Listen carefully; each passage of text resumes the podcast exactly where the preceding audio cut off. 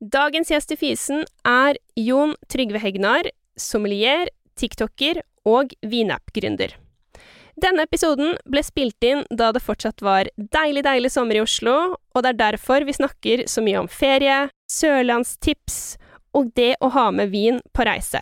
Jon Trygve og jeg snakker også om hva han bruker sommelierutdanningen sin til, vinappen han har gründet, den heter Vinify, tips til viner som kan lagres lenge, og hvilke skjulte restaurantperler som har de beste vinkartene i Norge.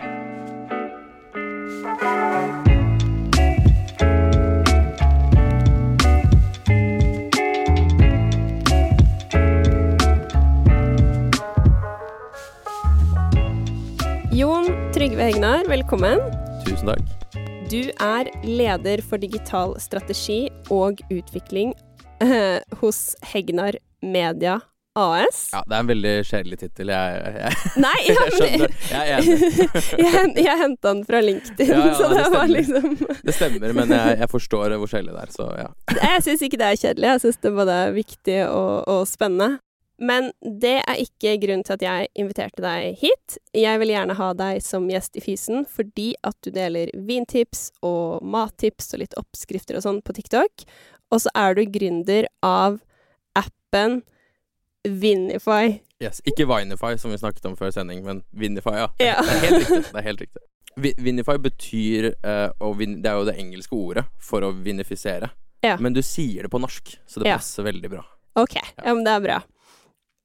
Du har eh, nettopp kommet hjem fra ferie, stemmer ikke det? Jo, som, jo, som mange andre. Absolutt. Ja. Vi skal snakke mer om Vinify, altså. Men Ja. jeg bare var litt sånn nysgjerrig på Du skulle være borte hele juli, og, så jeg var litt sånn nysgjerrig på hvor det har vært, og om du har spist og drukket noe godt og sånn på ferien din. Ja, altså jeg har bare vært på Sørlandet i år. Jeg har hatt en sånn type sånn barneskoleferie hvor man stikker i mange uker og er bare på ett sted, kanskje. Så jeg har vært på Sørlandet eh, i Lyngør. Ja. Eh, så da må man jo ta med vinen dit. Det er ikke noe pol på Lyngøy, det er en øy. Uh, men de har et veldig hyggelig sted uh, man kan spise som heter Seilmakeren. Ja. Så, så nesten alt jeg har spist utenfor mitt eget kjøkken, har vært da på Seilmakeren, som jeg kan absolutt anbefale for de som stikker innom. Ja, hva har de der, da? De har store porsjoner av mye sjømat. De har kreps, hummer, blåskjell, pizza. Og et lite, men ganske decent vinkart også. Eh, Og det ligger, det ligger på vannet, så det er veldig idyllisk. Ja, det hørtes deilig ut. Ja. Litt sånn um, hytte, sjømat, men også litt sånn pizza, da, hvis man blir lei av bare reker og Ja, Ja, Så man kan dra dit hver dag hvis man vil. ikke sant? Men når du sier at du må ta med vin, og du, var- du der fire uker? Fire uker, ja. Ja, hvor mange vin har du med da?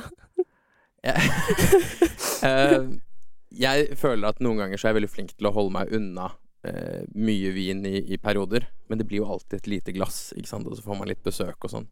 Så det blir jo Man må jo ha med noen, noen kasser. Men eh, det har vært en rolig sommer. Ikke sant. Men er du sånn som hvis du vet at du skal på ferie Ikke sant, her var det jo ikke noe pol, da, så det er på en måte litt sånn selvforklarende. Men hvis du skal på ferie til en destinasjon der du vet at det kanskje ikke er så øh, mye bra vin, eh, tar du med deg kofferten og sånn da? Jeg har aldri tatt meg vin til utlandet, Nei. selv om jeg vet at noen gjør det. Eh, så, så gæren er jeg på en måte ikke. Eh, og så er det jo gøy å smake det som finnes, uh, finnes der ute. Og selv om, jeg, selv om jeg er mest glad i vin, så er jeg ganske glad i øl og det lokale. Og, så jeg liker mye å teste mye, da. Det er jo mye av gleden. Ja. Jeg er helt enig i det, men jeg må innrømme at jeg har tatt med vin to ganger på ferie. Men det ene, det ene var fordi at jeg gjerne ville hvor dro du, da? Um, Jeg var i Italia. Ja. Eh, på Til Italia, og så tok du med Ja, din? ja, men det er fordi at jeg skulle til et bitte lite sted på Sicilia, og så hadde bestevenninnen min bursdag. Da, jeg hadde veldig lyst til at hun skulle få champagne. Ja. Ja, Så jeg tok med en bitte liten flaske. Så okay, det så føler jeg ikke er så engang? crazy. Nei, vi delte den, da. Okay. Men uh, ja. Greit, du må ikke si det til italienerne. Nei, jeg vet. jeg vet det. Men det var liksom bare Jeg pleier heller ikke å gjøre det. Men jeg vet at mange gjør det som du sier, hvis man vet. Men det er gøy å smake på det lokale og Det er mye av gleden, mye, av- mye av mat eh, som, som du er interessert i, og som sikkert noen av de som hører på er interessert i. Ja. Alle vet jo at det, er, det å oppdage ting er det morsomste, og det er jo det enkleste når du reiser.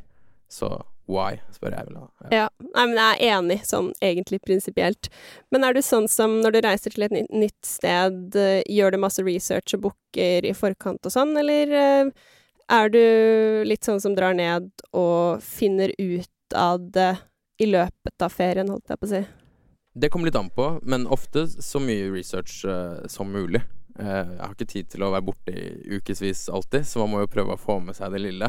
Og det, jeg blir veldig inspirert, sånn som mange andre, uh, på Instagram eller TikTok, eller bare hører hva, hva venner har opplag, oppdaget. Så da må man jo prøve å få med seg toppene hver gang, da, eller de, de sterkeste anbefalingene. Så um, med mindre det er en form for blåtur, så, så prøver jeg å ha planlagt så, så mye som mulig. Med, med noen unntak, da, eksempel eh, i noen land hvor man kan, det ikke er så lett. Hvis du drar til Japan, det er jo nesten umulig å planlegge noen som helst ting. Eh, så da må man jo bare flyte med det. Ja. Jeg skal faktisk dit senere i år. Ja, Ja. Da må du bare flytte, ikke sant? Ja. Men så må man kanskje snakke med noen som har vært der før, eller ja. tips til områder man kan vandre rundt i, eller noe sånt, da. Men jeg syns det er behageligst å, å ha planene. ja. Enig. Men har du på en måte frokost, lunsj, middag? Eh, lunsj, lunsj, lunsj, middag, middag, middag. Nei. Ja, ja. jeg er ikke noe frokostmenneske, men, men, eh, men jeg spiser heller litt flere steder enn å ha på sånn ett giga, gigamåltid. ja. ja, nå tenkte jeg på bookingmessig, da. Ja, ja, Ja, samme. eller om man ikke har booket eller ikke, men sånn eh, det, er så, det er så mange steder Jeg kan si sånn For en Var det i fjor, så jeg, hadde jeg en tur til London, eller i våres var det kanskje. Og da gjorde jeg så mye research jeg kunne, for jeg skulle bare være der et par dager. Og da prøvde jeg å stikke innom Jeg hadde lyst til å lage en liten guide til London. Så jeg var innom kanskje 15 restauranter på tre dager. Eh, de fleste de var jo ikke booket, men, men eh, et lite stopp på hver. Eh, og det jeg skjønte da, som jeg har på en måte fulgt mye mer i etterkant, er at jeg ser først og fremst etter vinsteder. At steder med god vin, enten du bruker en guide hvor du spør noen som du vet er interessert i vin, hvor de liker å spise, eller du bruker Star Wine List, for eksempel. De stedene som har god vin, er også steder som nesten alltid har god mat. Eh, og så slipper du kanskje unna med noen av disse kjempemåltidene, for noen av de er mer sånn vinbarer, selv om du kan spise en, en full middag der. Men, eh, men det har jeg hatt kjempesuksess med, så det er det jeg prøver å gjøre nå når jeg reiser et nytt sted. Ja, ikke sant. For, for vinen er også en eh, altså, viktig del av måltidet, da. Ja, absolutt. Ja, sant. Det burde, ja, det burde jeg kanskje Men ja, jeg vil jo gjerne at det skal være noe, noe god vin der. Ja. Em, og, men ikke sant, kanskje heller ett glass hvert sted, eller én flaske hvert sted på deling. Og så flytte seg litt rundt og oppdage en ny del av byen, hvis det er et sted man ikke har vært før, enn å bli sittende et sted hele kvelden. Ja. ja, men det er jeg enig i. Og jeg er helt enig i den fremgangsmåten også, for å finne gode steder. Og har bare egentlig skjedd meg én gang, som også var nylig, på den samme Italia-turen hvor jeg tok med den eh, champagnen, at uh, hadde fått anbefalt et vinsted av veldig, veldig mange, eller ikke veldig mange, men flere venner som er veldig interessert i mat og vin. Men jeg tror de bare hadde drukket vin der, og jeg Mm. prøvde å spise der også, så jeg ble så skuffa, jeg, for det var, det, var, det var ikke et matsted. Nei. Men da, da skal jeg liksom melde det videre til mine følgere, at det var ikke et matsted, men Ja. dritbra for vin. Men Ja. det er egentlig ikke så ofte det er sånn hvis de har mat også, for da er de jo opptatt av råvarer og gode produsenter, og så det overrasker meg faktisk eh, litt. Grann. Ja, de virker litt stolte, på en måte. Og det er jo en, det er en Man legger jo ofte ned en stor innsats for å bygge et vinkart eller bygge en vinskjeller, skjønner jeg. Eh, så hvis du først har lagt ned den innsatsen og planlagt det og lagt de pengene i det, så i det minste så kan du prøve å lage litt god mat ved siden av det. Ja. Men Storbritannia, de har jo sikkert Eller eh, London har kanskje alltid vært gode på det, men jeg bodde i Glasgow før, og det var vel ekstremt vanskelig å finne god vin, i hvert fall for tolv år siden. Men Ja. var der for noen år siden nå. Der har det liksom skjedd litt, men nå er jo London mer enn en storby, da. Men hvis du Husker du noen av stedene som, som du var på? Kan du anbefale noe? Eh, I London? Ja. Eh, ja, altså jeg var på um, et sted som jeg syns var kjempehyggelig, som jeg kanskje er det stedet jeg ville ha dratt først tilbake til, som het uh, The Ten Cases. Um, som var et uh, ja, Det er jo nesten litt teit å anbefale det i London, men litt sånn fransk sted. uh, men med superdigg mat og noen, noen veldig gode viner, og gode viner på glass. Eh, behagelig sted. Og så var vi på et sted som het Leroy i, i Shoreditch. Som var, det var viner som jeg kanskje eller aldri ville valgt selv, eh, men de hadde en supergod eh, sommelier, prøvd masse nytt, og maten var, maten var helt super. Så Leroy, ville, Leroy og The Ten Cases, kanskje, var det Ja. hyggeligste. Nice. Ja, men det er notert. Men er det sånn, eh, når du sier at du vanligvis ikke ville valgt de selv, ikke sant, du er jo eh, sommelier, utdannet sommelier, sommelier og er Jeg har bare vært en del på den TikToken, og du vet på en måte hva du snakker om. Eh, men er det sånn at du da kan bli Hvis du merker at du møter en likesinnet eller en som har litt annen smak enn deg, eller eh, kan mye, da stoler du på den personen, hvis jeg forstår det rett? Ja, ja absolutt. Altså, jeg, ja, jeg er utdannet uh, sommelier, men, men, det er jo de, de fleste sommelierer er mye flinkere sommelierer enn meg. Hvis de jobber i restaurant eller har ansvar for et vinprogram eller noe sånt. Jeg kan jo Jeg har jo bare smakt det jeg har smakt, jeg har aldri jobbet i restaurant eller noe sånt. Så, så jeg foretrekker å få anbefalinger, men det hjelper å stole litt på at de også vet hva de snakker om, da. Uh, sånn at du ikke bommer helt, men typisk hvis du drar på riktig sted og du ser kartet og ser hva de har plukket ut, uh, og hvis jeg gjenkjenner noe av det jeg liker fra før av Oddsen er kanskje stor for at vi har noenlunde samme smak, da, og da er det gøy å prøve noe nytt. Det er bare Jeg skal ikke arrestere deg på noe som helst måte, men jeg må bare si at du kan mye om vin, og du har jo smakt mye, ser det ut som, på TikTok i hvert fall, og sosiale medier. Det er jo sånn man ikke Men du har jo blant annet lagt, lagt ut en Romané Conti fra 1978. Det er jo ikke så mange som har smakt, for eksempel. Nei, altså, jeg, jeg, har smakt mye vin, selvfølgelig. Eh, nå har jeg vært interessert i vin Nå føler jeg meg gammel, men nå har jeg vært interessert i vin noen år også. Eh, så Og vært, og vært uh, møtt mye folk som har vært Som kan mye mer enn meg, og som har uh, anbefalt viner, tatt meg med på smakinger eller middager, eller, eller stilt opp når jeg har hatt noe å dele. Så over, det er jo bare fordi da man har vært interessert en periode. Ja. Hvordan var det den vininteressen startet, da? Nesten litt sånn klisjéaktig. For jeg kunne ingenting om vin fra før av. Ingenting uh, i Jeg tror jeg ble interessert sånn rundt 2017, og da visste jeg ikke forskjellen på Bordeaux eller Burgund, eller nesten mellom rødvin og hvitvin. Og så så jeg noen uh, Netflix-dokumentarer, to på rappen, som het Zoom. Jeg vet ikke om du har sett de? Nei, det har jeg ikke, men jeg fikk de burde lyst til å se. se. Ja. De burde du se. Og um, det var dokumentar om uh, Først om noen som prøvde å bli master sommelierer, som det heter. Ja. Så det var på en måte egentlig ikke Jeg tror også dokumentaristen bak det her ikke ante hva han gikk til. Han hørte bare at her var dette ekstreme studiet som 300 personer har klart gjennom tidene, som heter mastersommelier. Jeg hadde aldri hørt om det. Og jeg så disse gutta nerde på en måte jeg Jeg trengte bare Dette må jo være bare sånne Dette er jo gærne folk. Eh, men det var litt inspirerende. Og så var det en oppfølger som het uh, Zoom Into the Bottle, som forklarte Som fulgte de gutta senere, og som fulgte litt mer uh, Forklarte mer hva vin var.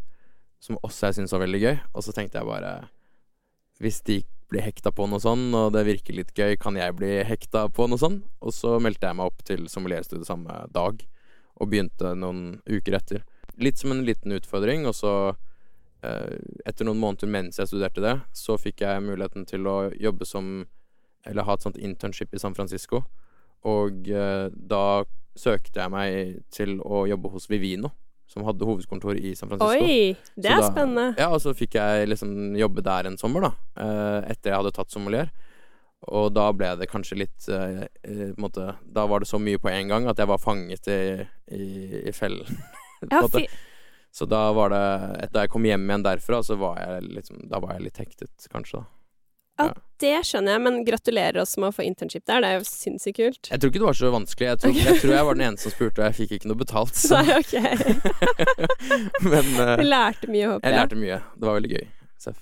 Men var det sånn Jeg ser for meg um, å jobbe der De som jobber der, kan sikkert um, masse om vin. Var det bare sånn i lunsjen da alle snakket om viner de har drukket og sånn, eller hvordan var det å jobbe der? Altså, jeg håpet jo at det skulle være sånn. For jeg hadde jo liksom på kort tid blitt liksom, Selv om jeg ikke kunne noen, som, noen ting det aldri smakt noe, så håpet jeg det var sånn.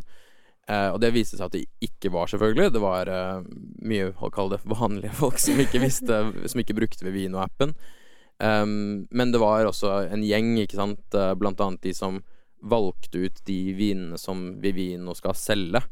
De var jo selvfølgelig megainteresserte, og vi dro på vintur og smakte Jeg smak, kunne smake vin hver dag sammen med de som, de som smakte, var, smakte vin, så eh, det var et veldig hyggelig vinmiljø. Men eh, også litt sånn Ja, det er ikke sikkert alle i et tech-selskap nødvendigvis elsker vin bare fordi det er en vinapp. Nei. Nei, men det tenkte jeg litt på, egentlig, for det er jo egentlig teknologi og database og mye opplegg eh, for å holde en sånn side Mm. oppdatert og velfungerende. Men jeg bare sånn bare så liksom for meg at der var alle interessert, da. Fordi det er vin. Ja. Kanskje fordi altså, jeg er glad i vin selv, men uh, ja. Trodde jeg jo. Og Ja. det var mange som var interessert i vin, men definitivt ikke alle. Ok. Ja. Men er det Du er jo også gründer av en egen uh, vinapp, da. Ja, ja. Eh, men var det det var det det internshipet hos Vivino som inspirerte deg til å lage Vinify, eller var det noe som Ikke der og da. Da, da hadde jeg ikke en, en tanke om å, å lage noen app. Eh, men senere eh, så hentet jeg jo på en måte erfaring fra det jeg følte jeg hadde lært om Vivino på innsiden om på en måte For eksempel sånn eh, En ting som jeg ikke var klar over, for eksempel, var jo hvor mange nedlastinger de hadde i Norge. Som var jo helt crazy. Hvor mange er det? Jeg, jeg, nå, nå, dette, husk at dette er jo 2017. Ja. Men den gang da så hadde de Jeg tror det var nærmere en million nedlastinger. Oi. Om det var 700 000 nedlastinger. Jeg kan ikke huske, men tallet var bare helt sånn vilt, da. Oi, jeg hadde ikke på det tidspunktet, i hvert fall. Men eh, Nei, ja, og, og, jeg, og jeg følte at eh, nå, nå vet jeg ikke om det jeg sier stemmer, om det var hvilket nøyaktig tall det var, men det var bare Jeg husker at tallet slo meg sånn det, Nesten alle i Norge har Vivino. Og det kunne man jo gjette fordi det hadde vært høyt på, på måte, ranken i AppStore i, i mange år. Men jeg tok med meg at ok, det er ikke bare jeg som er interessert i dette. At en av de mest nedlasta appene i Norge noensinne handler om vin. Og så er det bare en så bitte liten andel som faktisk sant, har gått i dybden på det, tatt vinkelnerutdanning eller jobber med vin. Og resten der ute er faktisk ganske sultne på det. Så kanskje mest av alt så var det eh, en bekreftelse på at hvis vi hadde en, eller jeg hadde en idé om hva slags vinapp som hadde vært kul for Norge, så er det interesse for det. Fordi de fleste der ute kanskje er interessert i å lære litt om vin, eller få noen gode vintips, eh, eller noe sånt. Men det er Og det jo tror jeg det er. Det tror jeg vi ser nå også. Jeg tror eh, sikkert delvis fordi sant, dere har denne podkasten her, at man ser at interessen for mat og vin har vokst de siste årene med sosiale medier og, og med et ganske tøft eh, restaurantmiljø i hele Norge. Eh, så det, det er ikke så veldig overraskende. Jeg tror mer liksom at det blomstrer mer inn i hva det har vært hele tiden. Men uh, kanskje noen apper som eh, Vivino eller disse restaurantene og så mange flinke sommelier der ute låser det mer liksom opp for folk, da. absolutt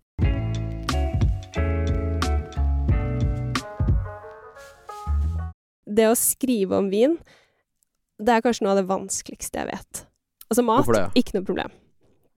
Fordi at det, Jeg vet ikke, jeg tror jeg noen ganger blir sånn OK, smaker det fersken, eller smaker det Ikke sant. Og så er det jo litt sånn Ja, jeg skjønner at det kanskje litt smaker det du smaker, men det smaker jo også det det smaker. Hvis altså, det ble Ja. liksom dårlig forklart, men Jeg tror mange kjenner seg igjen i den måten Hvordan- det er, ja. hvorfor det er vanskelig å beskrive det. Og det um, Det er jo på en måte en, en myte at du må være så utrolig flink i vin, og det føler jeg veldig fra mange også, at de syns det er litt sånn skummelt å, å prøve å forklare og si hva en vin smaker. I hvert fall hvis de tror at sant, her er terskelen høy for å si hva han mener. Um, men når du ser hvordan folk eh, deler disse tipsene, enten det er på Vivino eller Vinify eller mye på, på Instagram, som du sier, så føler jeg at man lærer ganske mye bare å se litt hva andre gjør. Og så bare gjøre så godt man kan. Og så De fleste smaker jo veldig godt. De mangler bare på en måte vokabularet. Er det er det én ting du lærer på, måte, på vinkelnerstudiet, og sånn som hvis jeg har hatt noen venner som er sånn Kan ikke du bare lære meg om vin en kveld? Så jeg sånn, ok, her er listen over ordene sommeliere bruker, eller de, listen, de ordene som man på en måte skal bruke på eksamen for å forklare hvordan en vin smaker. Og med en gang du har sett de, kan de pugget de, så er det, ganske, så er det ganske enkelt. Um, og det får du jo litt sånn inn ved å bare se andre gjøre det nok ganger. Så, så har du lært deg det på vokabularet. Ja, det er, det er veldig godt poeng, faktisk. Det har jeg prøvd å lære meg litt, og sånn som kremet, eller jeg vet ikke, frisk og Ja, det er, det er mange ord um, man kan bruke, og som folk også er vant til å Det er jo et litt sånn, e- litt sånn eget språk, da, når man omtaler vin. Mm. Men det som kanskje er litt vanskelig, er det hvis du har eh, 20 rislinger, da. Altså, hvordan skal du Men det syns jeg også er vanskelig når jeg leser om vin. Hvordan Mm. skal jeg differensiere den ene fra den andre når det brukes de samme ordene, men Ja. så er den ene likevel mye bedre enn den andre? Ikke Ja. sant? Det er så interessant, da. Ja, og der, der ser du at eh, det er ganske mange mm, journalister som gjør en ganske dårlig jobb, spør du meg. Jeg tror at hvis du gir en del, og dette Da mener jeg journalister først og fremst fordi at det er typisk de som skriver mange hundre, mange tusen smaksnotater på, på kort tid. Så de har kort tid på å skrive det. De bryr seg ikke like mye om hver vin. De gir på en måte ikke hver vin like mye tid eller omsorg når de skal vurdere den. Så de skriver noe raskt, og så hopper de videre til neste. Det er en del av gamet å være vinjournalist. Du må komme deg gjennom alle disse vinene. Eh, Men det du ser, er at hvis du hadde gitt de, de smaksnotatene tilbake til journalisten Så hvilken vin var dette? Lykke til.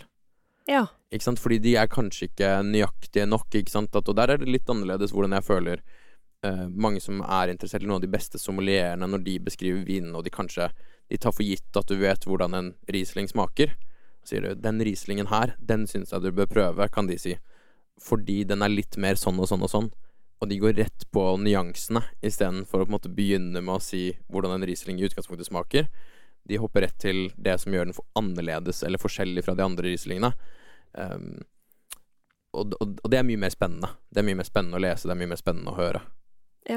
Og det er veldig eh, Hva skal man si Jeg er veldig glad i å bestille av sånne folk også. Fordi Mm. hvis man lærer seg noen ord, som du sier, og så prøver du å forklare ok, jeg liker en chardonnay som er sånn og sånn, så er det faktisk ganske ofte sånn on point hva de kommer med, og bare det at du viser interesse også, eh, føler jeg Mm. hjelper litt med at de syns det er gøy å servere deg noe eh, de tror du syns er godt, da. Mm. Så OK, ja, men det noterer jeg meg. Men du som er sommelieren, hvor mange viner øh, føler du at du har kapasitet til å smake på og vurdere ordentlig før du bare sånn Nei, men nå, nå er bare Er munnen min hoven, liksom. Nå, nå er det nok. Jeg har selvfølgelig vært med på sånne smakinger. Det kan enten være på studie eller andre greier hvor du smaker 50 viner i løpet av en dag. Det har jeg ingen glede av. Ingen i det hele tatt. Sant? Maks på det man klarer å gå gjennom på en middag hvor man er mange, og du deler på en del flasker, og du får smake på en del. Så, så, så, så kan man komme gjennom sant, ti viner eller noe sånt, og det er, og det er gøy å smake ti viner. Men um, jeg har ikke noe sånn særlig behov for å smake så, så mange forskjellige ting i løpet av 30 minutter. Nei, nei, nei. Det er mye hyggeligere å sitte og nyte bitte litt. Ja, absolutt. Jeg drar jo noen ganger også på vinsmakinger selv, bare fordi det er gøy før slipp og sånn, og kan du jo smake Men altså, etter, eh, jeg vet ikke, ja, eh, x antall, så bare merker jeg at nå smaker jeg ikke Altså like mye forskjell på de lenger, for det er et eller annet med at du bare liksom Ikke bruker Mm. opp munnen, men ja, du skjønner hva jeg mener. Absolutt. Um, men Vinify vi, Nå kommer vi til en sånn lang, eh, men spennende samtale her, da. Men Vinify, for de som ikke har brukt det ennå, da kan ikke du fortelle hva det er? Vinify er en, en app uh, først og fremst for å finne de beste kjøpene på polet. Så vi har en stor database av viner som er, er koblet til hva som er tilgjengelig på polet. Og så er det jo tusenvis av uh, vinanbefalinger fra amatører, men også veldig mange sant, fra vineksperter, utdannede sommelierer, sommelierer som jobber i restaurant etc. Og du kan slå opp eh, på hvert pol og sjekke hva som er den beste, den høyest ratede vinen i enhver eh, prisklasse eller kategori som er tilgjengelig på hvert pol. Um, så hvis du er på jakt etter å, å, å kjøpe en vin, så er det en god guide. Det er gode, det er vintips rett og slett til polet. Men så er det et sted også hvor du kan følge andre, se hva de legger ut. Du kan legge ut smaksnotater selv. Du kan finne restauranter og, drikke vin på. Du kan se vinkartene på restauranter. Det er, det er masse ekstra greier, men i, i bunnen så er det jo på en måte en, bare en stor database med vintips. Ja, og det er jo helt fantastisk for brukeren å ha tilgang til det biblioteket der, men hvordan, hvordan i all verden har du klart å samle inn all den dataen? Altså, det er jo helt sinnssykt mye, og ikke minst de anmeldelsene eller anbefalingene fra sommelierer, og hvordan har du liksom jobbet med å samle inn datagrunnlaget? Altså, vinene har vi jo samlet inn fra databaser. Som enten vi bare måte, samarbeider med, eller vi betaler for å få tilgang til de databasene. Um, men verdien ligger jo i, i anbefalingene. I, I smaksnotatene og vurderingene fra de som vet hva de snakker om.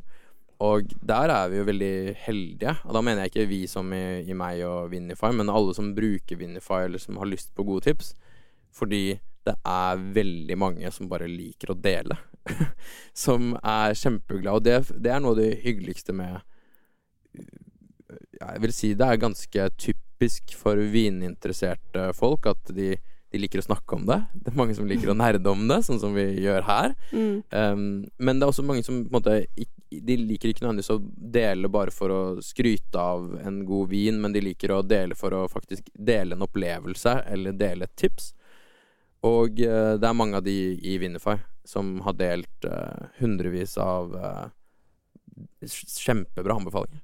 Så det er på en måte det man får tilgang til, da. Ikke sant? Ja, og det er Hvor mange brukere er det? Jeg, jeg tror vi har, det er 100 120 000 nedlastninger. Ja, det er mange. Eh, Det er ganske mange, og vi, måte, da, vi markedsfører det jo ikke. Det er bare word of mouth. Ja. Så Og det er jo selvfølgelig en, bare en liten andel av de som faktisk publiserer smaksnotater regelmessig. Det er kanskje noen tusen.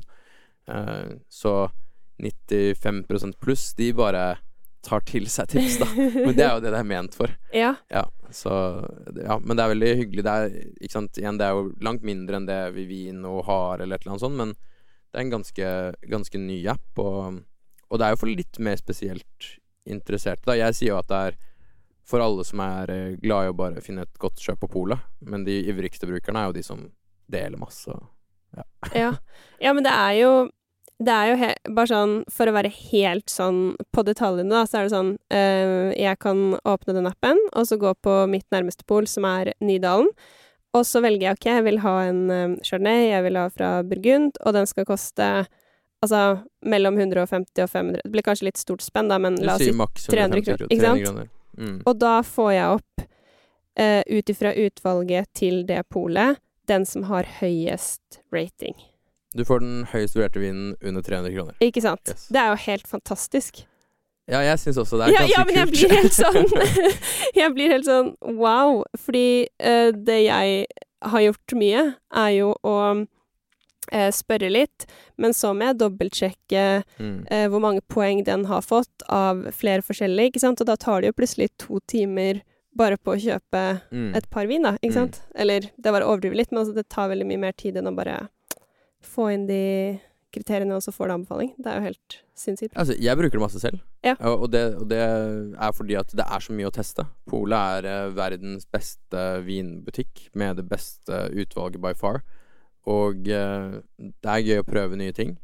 Og det at du kan da slå opp andres anbefalinger på hva som er verdt å prøve, eller som er bra, enten det er 120 kroner eller 700 kroner det, Ja, jeg bruker det masse. Ja, ja, ja. Ja, nei, men gratulerer med veldig bra, bra produkt, altså. Det er veldig gøy at så mange bruker det, og ikke minst eh, deler smaksnotater og sånn. Deler du også der? Jeg Du deler. deler vel der? Ja, Ja, ja, ja, absolutt. Du må jo dele. Jeg deler, og, og um, eh, jeg deler både på en måte viner som jeg tenker sånn Wow, det her er kult at jeg fikk lov til å smake. Men også når jeg kommer over en vin som koster eh, 199 kroner, og jeg syns er et uh, kongekjøp, så, så syns jeg det er gøy å dele det.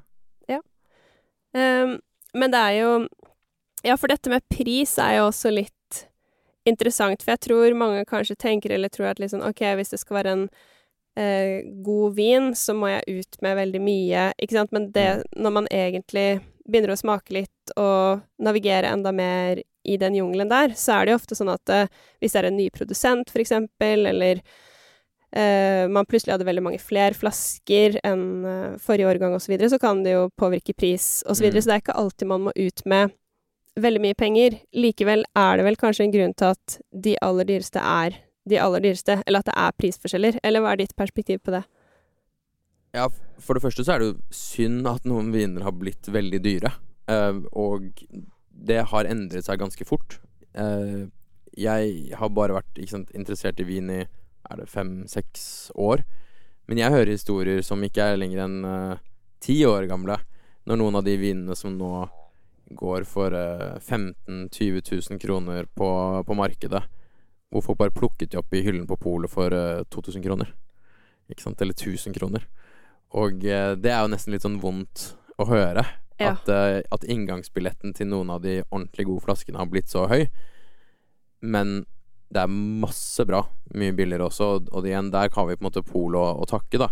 Fordi de aller fleste viner på polet er ikke kjempedyre. De aller fleste viner på polet koster ikke over 1000 kroner eller 2000 kroner eller De fleste vin på polet koster eh, noe du måte kan betale til hverdags. Og jeg er helt sikker på at vi har det beste utvalget i verden av eh, viner til to eller tre eller 400 kroner. Eh, så inngangsprisen er jo definitivt høyere for å drikke vin i Norge enn i utlandet. Også de vinene som koster 200 kroner i Norge, kanskje koster 100 kroner i, i utlandet. Men, eh, men utvalget er veldig godt, da. Det er det. Absolutt. Men du sa jo eller har sagt et par ganger at du ble interessert i 2017, vært interessert i fem-seks år. Um, har klart å bygge deg opp en liten vinsamling på den tida der. ja, litt. Bitte litt, ja. ja. Ja, eller bitte litt, føler jeg. Bitte litt er min samling, for jeg har akkurat begynt nå å samle i kjelleren, så foreløpig har jeg bare sånn eh, Omar-hylle fra Ikea med ja. 24 flasker. Men jeg tenker sånn, det er en begynnelse. Um, men du har jo der har du også delt på TikTok et liten vinkjeller, eller er det et stort kjøleskap? Eller kan ikke du bare fortelle litt om samlingen din, og hvordan du begynte med den, og hva er perspektivet på lagring der, og sånne ting?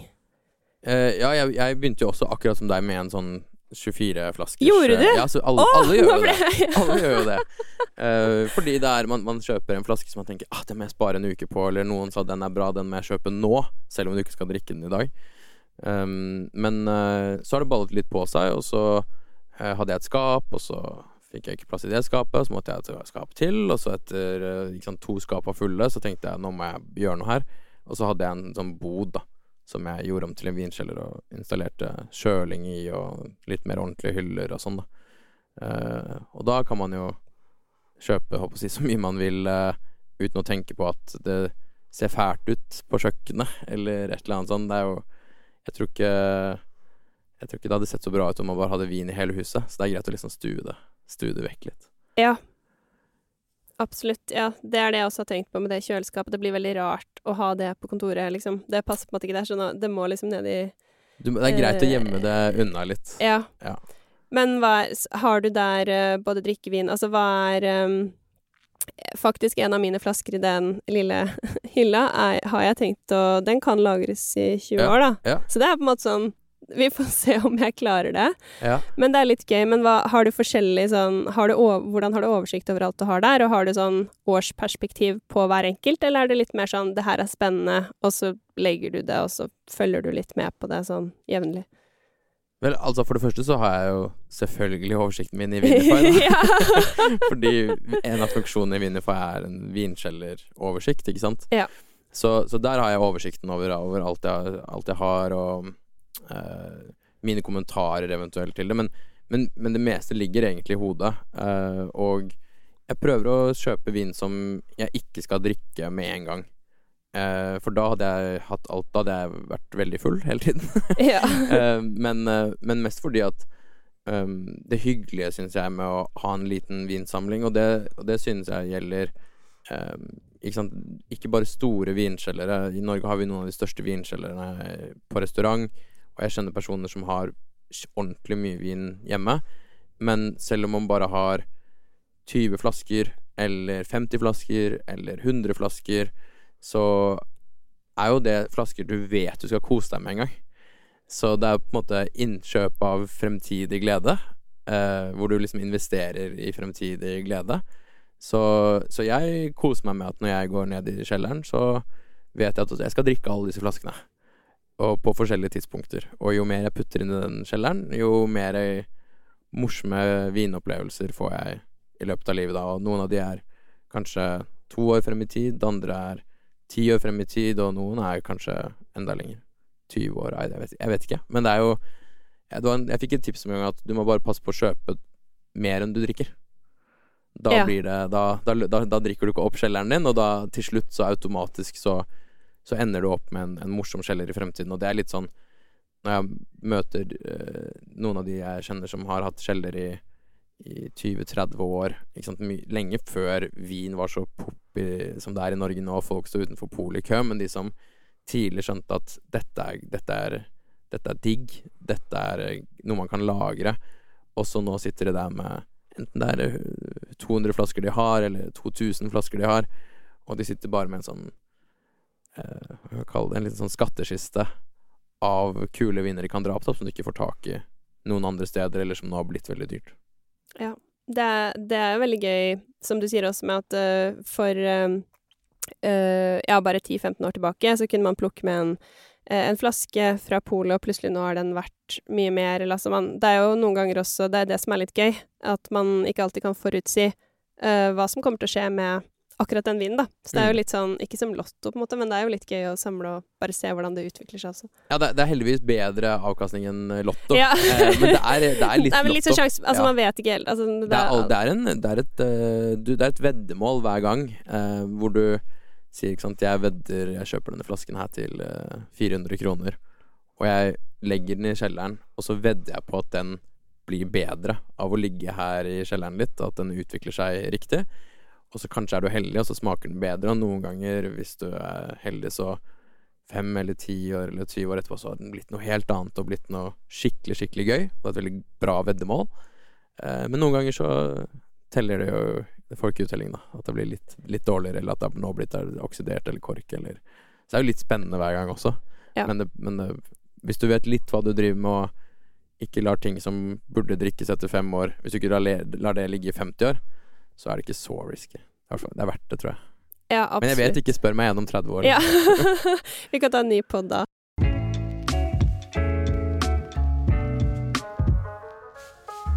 Men jeg tenker, jeg snakket jo litt med Merete Bø også om det å bygge uh, vindkjeller og sånn. uh, men jeg har egentlig også veldig lyst til å høre litt sånn dine tips hvis man uh, er eh, ny, da, sånn som meg. Mhm. Hva ville du anbefalt å følge med på eller kjøpe akkurat nå?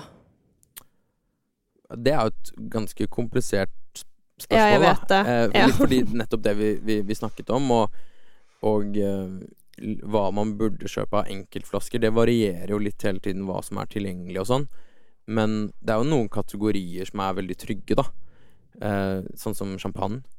Ikke sant? Jeg tror at du kan ikke gå feil. Og det har jeg brukt noen år på å innse at det er det tryggeste. Jeg kommer alltid til å like det, og de, de gangene du åpner en, ser jeg for meg, da, en champagne som man har eh, spart selv i ti år, det kommer til å være hyggelig. Det kommer til å smake godt. Det kommer til å være litt, litt spesielt. Så kanskje champagne er det jeg vil anbefale hvem som helst hvis de har en mulighet til å kjøpe en kasse og legge den bakerst. Eh, så tror jeg mye av de tradisjonelle måte mørkere vinene med litt sånn struktur, at hvis du kjøper Bordeaux-viner, eller hvis du kjøper Piemonte-viner, Barolo Barbaresco, så vil de fleste av de i hvert fall lagre litt. Eh, og så har jeg selv kjøpt litt eh, ekstra av Riesling. Eh, Riesling er jo veldig godt, og eh, hvis du kjøper Det gjelder vel egentlig alle, alle vinene, da, men altså sannsynligheten, uten å gå inn på én og én flaske, for at vin lagrer godt, er jo litt større hvis den er litt dyrere. Fordi litt bedre vin typisk lagrer litt, litt høyere kvalitet, lagrer litt bedre, kanskje. Så hvis man er villig til å bruke 100 eller 500 kroner ekstra på en vin, så lagres den sikkert bra, og jeg tror hva enn du finner av eh, Bordeaux eller Piemonte eller Rhône-viner eller champagner, eh, det er ganske trygt. Men Ja. sjampis er det tryggeste. Ja, det er den ene som jeg liksom skal spare i 20 år, som jeg refererte til i stad. Ja. Det er en champagne. Så det har i hvert fall gjort, kanskje gjort noe riktig, da. Ja. Men er det noen produsenter du vil trekke fram, som du er glad i? Fra champagne? Ja, eller fra Ja, eller Riesling, da. Uh, ja, altså Igjen, det er jo masse, og, og jeg må si at uh, det utvalget på polet som er av champagne nå, det er ganske kult. Jeg kan ikke skjønne at det har vært bedre før. For det er så mye sånne små, morsomme Man kaller det sånne grower-sjampanjer. Sånne produsenter som kanskje før de som eide vindruene, de solgte de druene til de store champagnehusene, og de hadde ikke noe eget merke på de. De har det dukket opp masse av, og de vinene er dritgode. Så, så det er masse champagneprodusenter. Um, den siste, en av, en av de vinene som jeg prøvde i sommer, som de hadde på Seilmakeren av en eller annen grunn. Uh, eller jeg vet hvorfor, for det er han ene importøren, han, han dukket opp der, tror jeg, og sa de burde kjøpe hans viner. Ja. Så, men det er en produsent som heter Suenen. Suenen. Okay. Ehm, det er en helt super champagne som, uh, som jeg så bare tilfeldigvis også at de hadde på Skøyenpolet i går. Så da må jeg liksom passe på å komme innom der i helgen. Ehm, også på Riesling-siden så er det en produsent som, som jeg har fått øynene opp for, som heter Schäfer Frølich. Okay. Uh, som virker som en topprodusent, og, også andre folk jeg vet som eh, er veldig mye flinkere enn meg, og som kan mer om, om vin. Arne Roen og Master Wine. Han, eh, han var også veldig fan av Sjefen Frølich, så de har jeg drukket litt av, og hvis jeg ser de, jeg, da, da prøver jeg å kjøpe en flaske.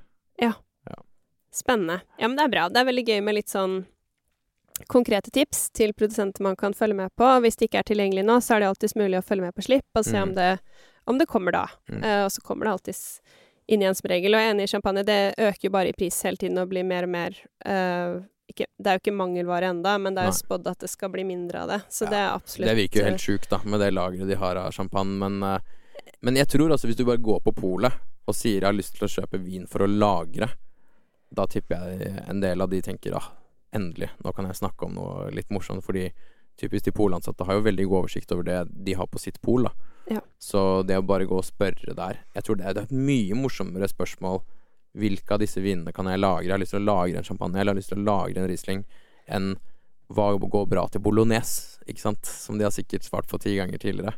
Så det, det gjør jeg også. Spør masse på polet. Det, gjør jeg- det gjør jeg også, og det var sånn jeg fant den uh, igjen, for å referere til den flasken. Uh, den der, fordi jeg Den du tok med til Cecilia? Eh, Nei da, nei, den skulle jeg drikke. Men den jeg har, den jeg skal lagre i 20 I år, 20 år? Jeg har, ja, Ja, hvilken er det? det er André Beaufort. Uh, De er jo konge. Ja, veldig godt. Og kjøpte to, en til å drikke med en gang, og så en til å lagre. Og da Den hadde jeg sett meg ut på forhånd for en venn- venninne som er veldig glad i det. Um, Du burde stikke på skigården i Hemsedal. ja. De har jo en eh, helt Det er, det er vel de som importerer Beaufort, og okay. de har jo Norges største vinkjeller. Eh, så de har jo et kjempeutvalg Beaufort, også med en del eldre årganger. Så hvis du har lyst på en sneak peek av hvordan den er om 20 år, så burde du stikke opp dit. Det var godt tips. Ja. Ja, til de som hører på også. Ja, det er um, Ja, det er notert. alle Altså, de, Ja. de har jo masse Det er ikke det billigste vinkartet. Jeg tror de har, har satt prisene litt nok etter at uh, de trenger ikke selge alt. De skal, de skal spare litt på det. Men, eh, men de har mye godkjøp. En del, eh, faktisk en del gode Riesling-kjøp. eh, og de har så mye champagne at du får litt godt priset champagne der òg. Men det er litt av et sted Jeg vet ikke hvor mange flasker de har, om det er 50 000 flasker. Oi. Eller, Ja, det er det helt er- sinnssykt. det er helt sinnssykt. Ok. Ja, men det er notert. Det er noen der som har en skrue løs. Men det er, men det er fordel oss, da. Vi kan, vi kan prøve det ut. Kanskje det blir en tur til, til, eh, til Hemsedal. Det var veldig godt tips fra deg, eller to tips egentlig. Eh, sjekk ut det, og ikke minst også spørre på polet. Ja, de blir jo veldig ja, jeg syns de som jobber der og er så hyggelige, og hvis man merker Mm. at man har litt samme smak, det pleier jeg alltid å sjekke først. Ehm, så stoler jeg veldig på anbefalingene, og ikke minst også hvis man sier man skal lagre, som du sier, er Mm. gode på det. Men når vi først er inne på vinkart, da. Hvilke restauranter i Norge drar du øh, og spiser på på grunn av vinkartet? Eller det kan være vinbarer også. Mm. Hvilke steder syns du er gode? Men vi er jo veldig heldige i Norge fordi at jeg skjønner nesten ikke hvordan det har skjedd, men det er ganske mange steder med veldig, veldig gode vinkart. da. Um, og Skigården er et av de. Uh, jeg skaffet meg leilighet der. Uh, nesten er ikke, ikke bare på grunn av det, men, men uh, det var liksom Det var ikke en nedside at det var et så, så godt vinkart uh, der oppe. Den, det andre mest kjente stedet i Norge er jo Parkhotell Vossevangen. Ja. Um, og de har jo et helt utrolig kart, og helt på andre siden av skalaen på Altså prismessig. Det er jo en kjempefordel. Så jeg tror sånn Hvis man skal på en slags pilegrimsferd om man vil til Wien, så er sikkert Parkhotell der de fleste bør dra. Jeg har vært der noen ganger, og det er jo det er dritkult. Um, I Oslo er det jo flust. Ja. Uh, og jeg tror mange av de stedene også som har veldig gode vinkart i Oslo, hadde hatt enda bedre hadde de bare fått tak i mer. Jeg tror liksom markedet tømmes for de gode vinene. Uh, men uh, de har et veldig godt eh, vinkart på ja, altså you name it. Vin Bjørvika er jo et uh, Det er ikke så mange som snakker om Vin Bjørvika. Nei, det kanskje fordi det ikke er en restaurant, at det er Ja. mer en vinbar, og det ligger i Bjørvika. Men de har jo et helt crazy vinkart. Um, utrolig mye bra. Bra priser. Uh, Apolati har jo et fantastisk vinkart med bra priser. 350 har jo et kjempevinkart. Du må jo være medlem for å få de beste og de beste prisene også. Um, men uh, Be altså, Beijing Palace, eller sånn Beijing Palace, er jo et topp vinkart. Veldig lett å dra til og spise dumplings. Ja. Der har jeg fortsatt ikke vært ennå, men det står så sykt på lista mi. Det, det er godt, og det er liksom det, Jeg føler det er kanskje Det er litt vanskelig når du spør. Jeg må tenke litt om, om hva som er de stedene med god vinkart, for det er veldig mange steder med god vinkart, og jeg ser også en del nye steder som åpner, starter med gode vinkart. Mm. Um, Liminal, som åpner på Torshov, åpner ikke nødvendigvis med et stort vinkart, men det er et godt lite vinkart. Ja. Eh, Bistro 12. på Munch-museet. Ikke verdens største vinkart heller, og folk tenker det er sikkert bare turister som drar. Det er jo en skjult perle. Bra vinkart. Eh. Matmessig, da. bra. Ja. Bra. Absolutt. Jeg, jeg, jeg har vært der flere ganger. Ja. Um, jeg vet ikke om man kunne snakket om det i en evighet, det er, men den, det er jo et, noen triks er det bare å følge med på hva andre gjør, da, og se hva andre drikker andre steder. Star Winelist er, en, er jo en super oversikt over, over steder, og i Vinify så kan du også slå opp kart og se steder, se hva folk har drukket der. Så jeg vet ikke hvor man skulle stoppet. Jeg, altså, kjelleren på Grand er jo amazing. Ja. Nei, men Eh. jeg syns dette var så gode tips, jeg, for det var ikke de typiske ikke sant, de største vinbar... Eller altså, Vinbjørvika, ja, det er en vinbar, men det, Ja. det var liksom ikke rett på Altså Territoriet eller eh, Markveien, Mat og Vinhus, eller altså de Mm. typiske man kanskje tenker, da. Det var litt andre tips, så det er veldig, veldig bra. Men det, det er så mange, så Ja. jeg vet ikke hvor man skal begynne å avslutte. Nei, men det var masse gode tips. Men det Men eh, hvordan er det Ikke sant, for at du kan jo eh, Selv om de ikke har holdt på så lenge, så har de jo lært av masse, og i løpet av de årene Det jeg eh, Kanskje du har noen tips til meg, da, for det jeg syns er vanskelig, er når jeg kommer på en restaurant Mhm. OK, kjenner jeg kanskje igjen noen produsenter, men de vet jeg kanskje at det er på polet, OK? Da tenker jeg sånn det, det er litt mer spennende hvis du vet at det er utsolgt, eller hvis det kun er Horeka, da, altså at det kun er tilgjengelig på restaurant. Hvordan er det nybegynnere, eller folk som ikke har den sinnssyke oversikten, kan gjøre gode kjøp Mm. av flaske på restaurant? Har du noen tips der? Det er et godt spørsmål, og det skulle jeg ønske noen hadde gitt meg svaret på for noen år siden også. Eh, jeg tror at eh, det kjedelige svaret er jo å spørre der også, og spør har dere noe nytt og spennende. De fleste syns jo det er gøy å vise frem hvis du har Hvis du er sommelier og har funnet en ny og spennende produsent som du har satt på kartet, så er det gøy å få solgt den istedenfor at folk bare kjøper det samme gamle, de samme navnene alle kjenner. Um, men man kan jo gjøre seg på en måte Hvis man vil teste noe nytt, men å, vite om det er på polet eller ikke, altså good luck. Da tror jeg du må Da må du ha sett litt, da, og vite hva du er på jakt etter.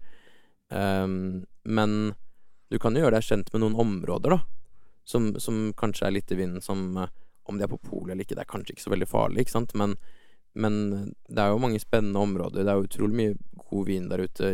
Vi har et veldig godt utvalg i Norge fra California. Ja. Det er noen importører som fokuserer veldig på California. Så vi har jo noen av de beste vinene tilgjengelige i California. Eh, Det er også noen importører som fokuserer en del på Sør-Afrika. Um, jeg vet ikke hvor mange importører vi har i Norge, om det er 400 eller 500 vinimportører. Så, så det er mange som sikkert prøver å skille seg litt ut, og det har endt opp med at vi har, vi har mye kult, da. Jeg vet ikke, kanskje California er det jeg ville anbefale folk å teste om dagen, fordi selv, det, det er ikke verdens beste priset, men det er jo ofte mye burgundstil uten at det nødvendigvis koster burgundpriser, da. Ja, jeg er veldig glad i Chardonnay fra California, Ja, for eksempel, sant? men der er det jo litt ehm, uh, Ja, det varierer sikkert hva folk syns om det. Jeg syns det er digg, men ha, hvilke produsenter har du noe Fra California? Ja. Altså jeg skulle ønske at jeg også kunne bare ramse opp eh, produsenter like raskt, men, men eh, det er jo kanskje særlig én produsent som heter Occidento, som um, har av en eller annen grunn vært tilgjengelig på ganske mange restauranter i Norge, og, og ikke så gærent priset. eh, som har vært en av de aller beste pinotene jeg har smakt de siste årene. Og det er ikke en sånn kjempebillig vin, den koster kanskje 1800 kroner eller et eller annet sånt. ja, det er jo ganske mye. Ja, det, men ikke sant, nå, nå er det mye vin dyr på restaurant i utgangspunktet, da. Ikke sant? Hva får du nesten på restaurant lenger under 1000 kroner? Du må, I, i burgundverden så må du jo over 1000 kroner nå for å få en Bourgogne Blad eller Bourgogne Rouge, ikke sant? de enkleste vinene fra Burgund. Det er ikke lenge siden de kostet en, en god del mindre. Så hvis man har lyst til å prøve noe skikkelig godt, da, så er jo i hvert fall Occidental en sånn vin som hvis man ser den Ok, nå skal jeg prøve en av de skikkelig, skikkelig gode vinene. Ja. Og hvis jeg skulle prøve noe like bra fra Frankrike, så kanskje det koster tre ganger så mye. Ja, ikke sant. Så, men, men sånn er det jo litt alltid. Jeg, jeg, jeg, jeg skammer meg ikke heller så mye for å anbefale litt dyrere viner til uh, venner, eller hvis noen spør. Fordi man, man, man, drikker ikke de hele tiden.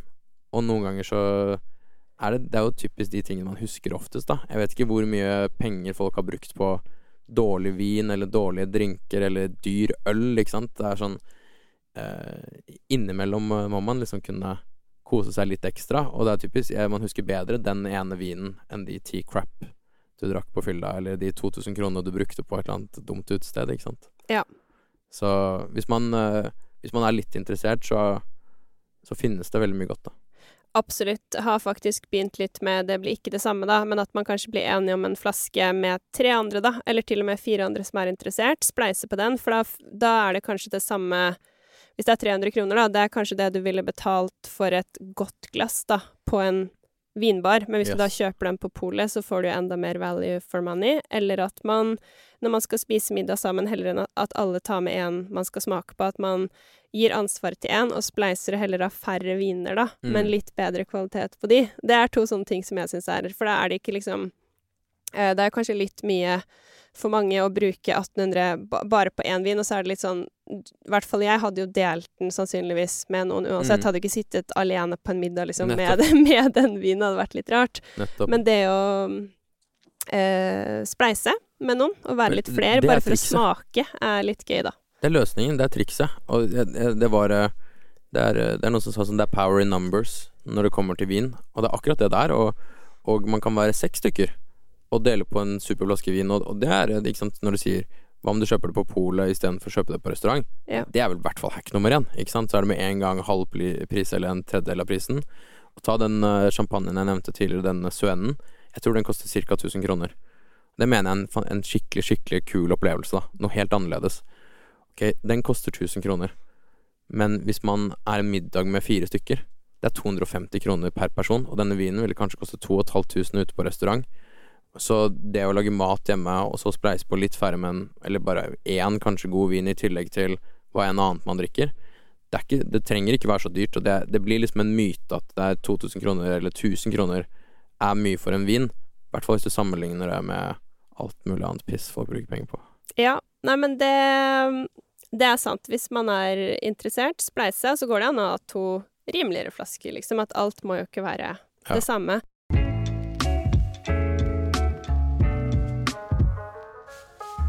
Du er jo god til å dele, syns jeg, også rimeligere viner på, på TikTok til sånn 200-400 kroner. Så kan ikke du nevne noen gode produsenter eller viner i det segmentet der som er gode kjøp nå? Altså det er, det er, litt sånn som jeg sa, at Polets utvalg er jo megastort i, i den, så det er liksom vanskelig å finne de beste kjøpene. Så her må man jo finne litt selv. Men en uh, vin som en kompis tok med i sommer, som jeg fortsatte å drikke en håndfull ganger siden, er fra en produsent som heter uh, Angro og en Talot. Tolot. Jeg er så dårlig i fransk at yeah. så må man nesten liksom tolke det til litt. Men Angro en Tolot Le Fontanille som er en ganske mørk, uh, mørk rødvin. Jeg tror den er laget mye av Syrah. Uh, 299 kroner. Og er liksom denne klassiske vinen som du kanskje ønsker deg til, til noe kjøtt, eller i hvert fall til mat, da, for den er litt tyngre. Men er laget av en sånn, delvis av en sånn topprodusent som heter Angro. Så her får du en litt sånn sidekick til noen sånne toppviner til en mye billigere pris. Um, men ja, jeg ville jo anbefalt nå, da, litt sånn uh, selgereklame her. Sjekk Vinify da, ikke sant. Ja. ja, jeg skulle Det var det jeg også skulle legge til sånn, uh, sånn avslutningsvis, at uh, man burde sjekke ut Vinify og TikToken din. Ja, det er, ja. Så, det er, Så, flaut å snakke om den TikToken. Jeg føler liksom det å være, det å være på TikTok er så flaut, men Hvorfor er det flaut? Jeg vet ikke, er det, er man, Vil man være på TikTok, ikke sant? Men uh, jeg vet ikke. Det, jo, altså jeg tenker sånn Jeg vil være mer på TikTok. Jeg har prøvd også å legge ut noen vingreier der med en kompis. Um, skulle vi tipse Da fikk vi bare sånn kommentar fra sånn kjempemange folk sånn Nerder også. Tenkte jeg sånn Ja, men det er Vi er jo litt nerd, så det går bra. Ja, man må slippe litt sånn uh, hemninger. Det er litt sånn flaut å drive og filme seg selv og sånn, men, uh, men det som er morsomt med TikTok, er jo at det er, så, det er jo så mange der. Og jeg føler også så mange liksom Enten Jeg tror uansett hva slags innhold du har, og det er litt sånn interessant at vin har passet inn i det også, men noen ganger vil du bare ha det tipset. Du orker ikke lese hele den vinartikkelen eller gjøre liksom den lange researchen at kan jeg ikke bare få det tipset? Ti sekunder, og så er vi ferdige, liksom. Og du kan se flaska, og Og se kan se entusiasmen i formidlingen. Så jeg, jeg syns det er helt nydelig. Fortsett med å tipse om viner på TikTok, og å holde Vinify oppdatert for uh, alle som er interessert i vin. Det er helt topp. Jon Trygve Hegnar, Tusen hjertelig takk for at du kom hit og nerda masse om vin og delte av kunnskapen din. Det var veldig veldig gøy å snakke med deg. Takk for at jeg fikk lov til å komme og nerde litt.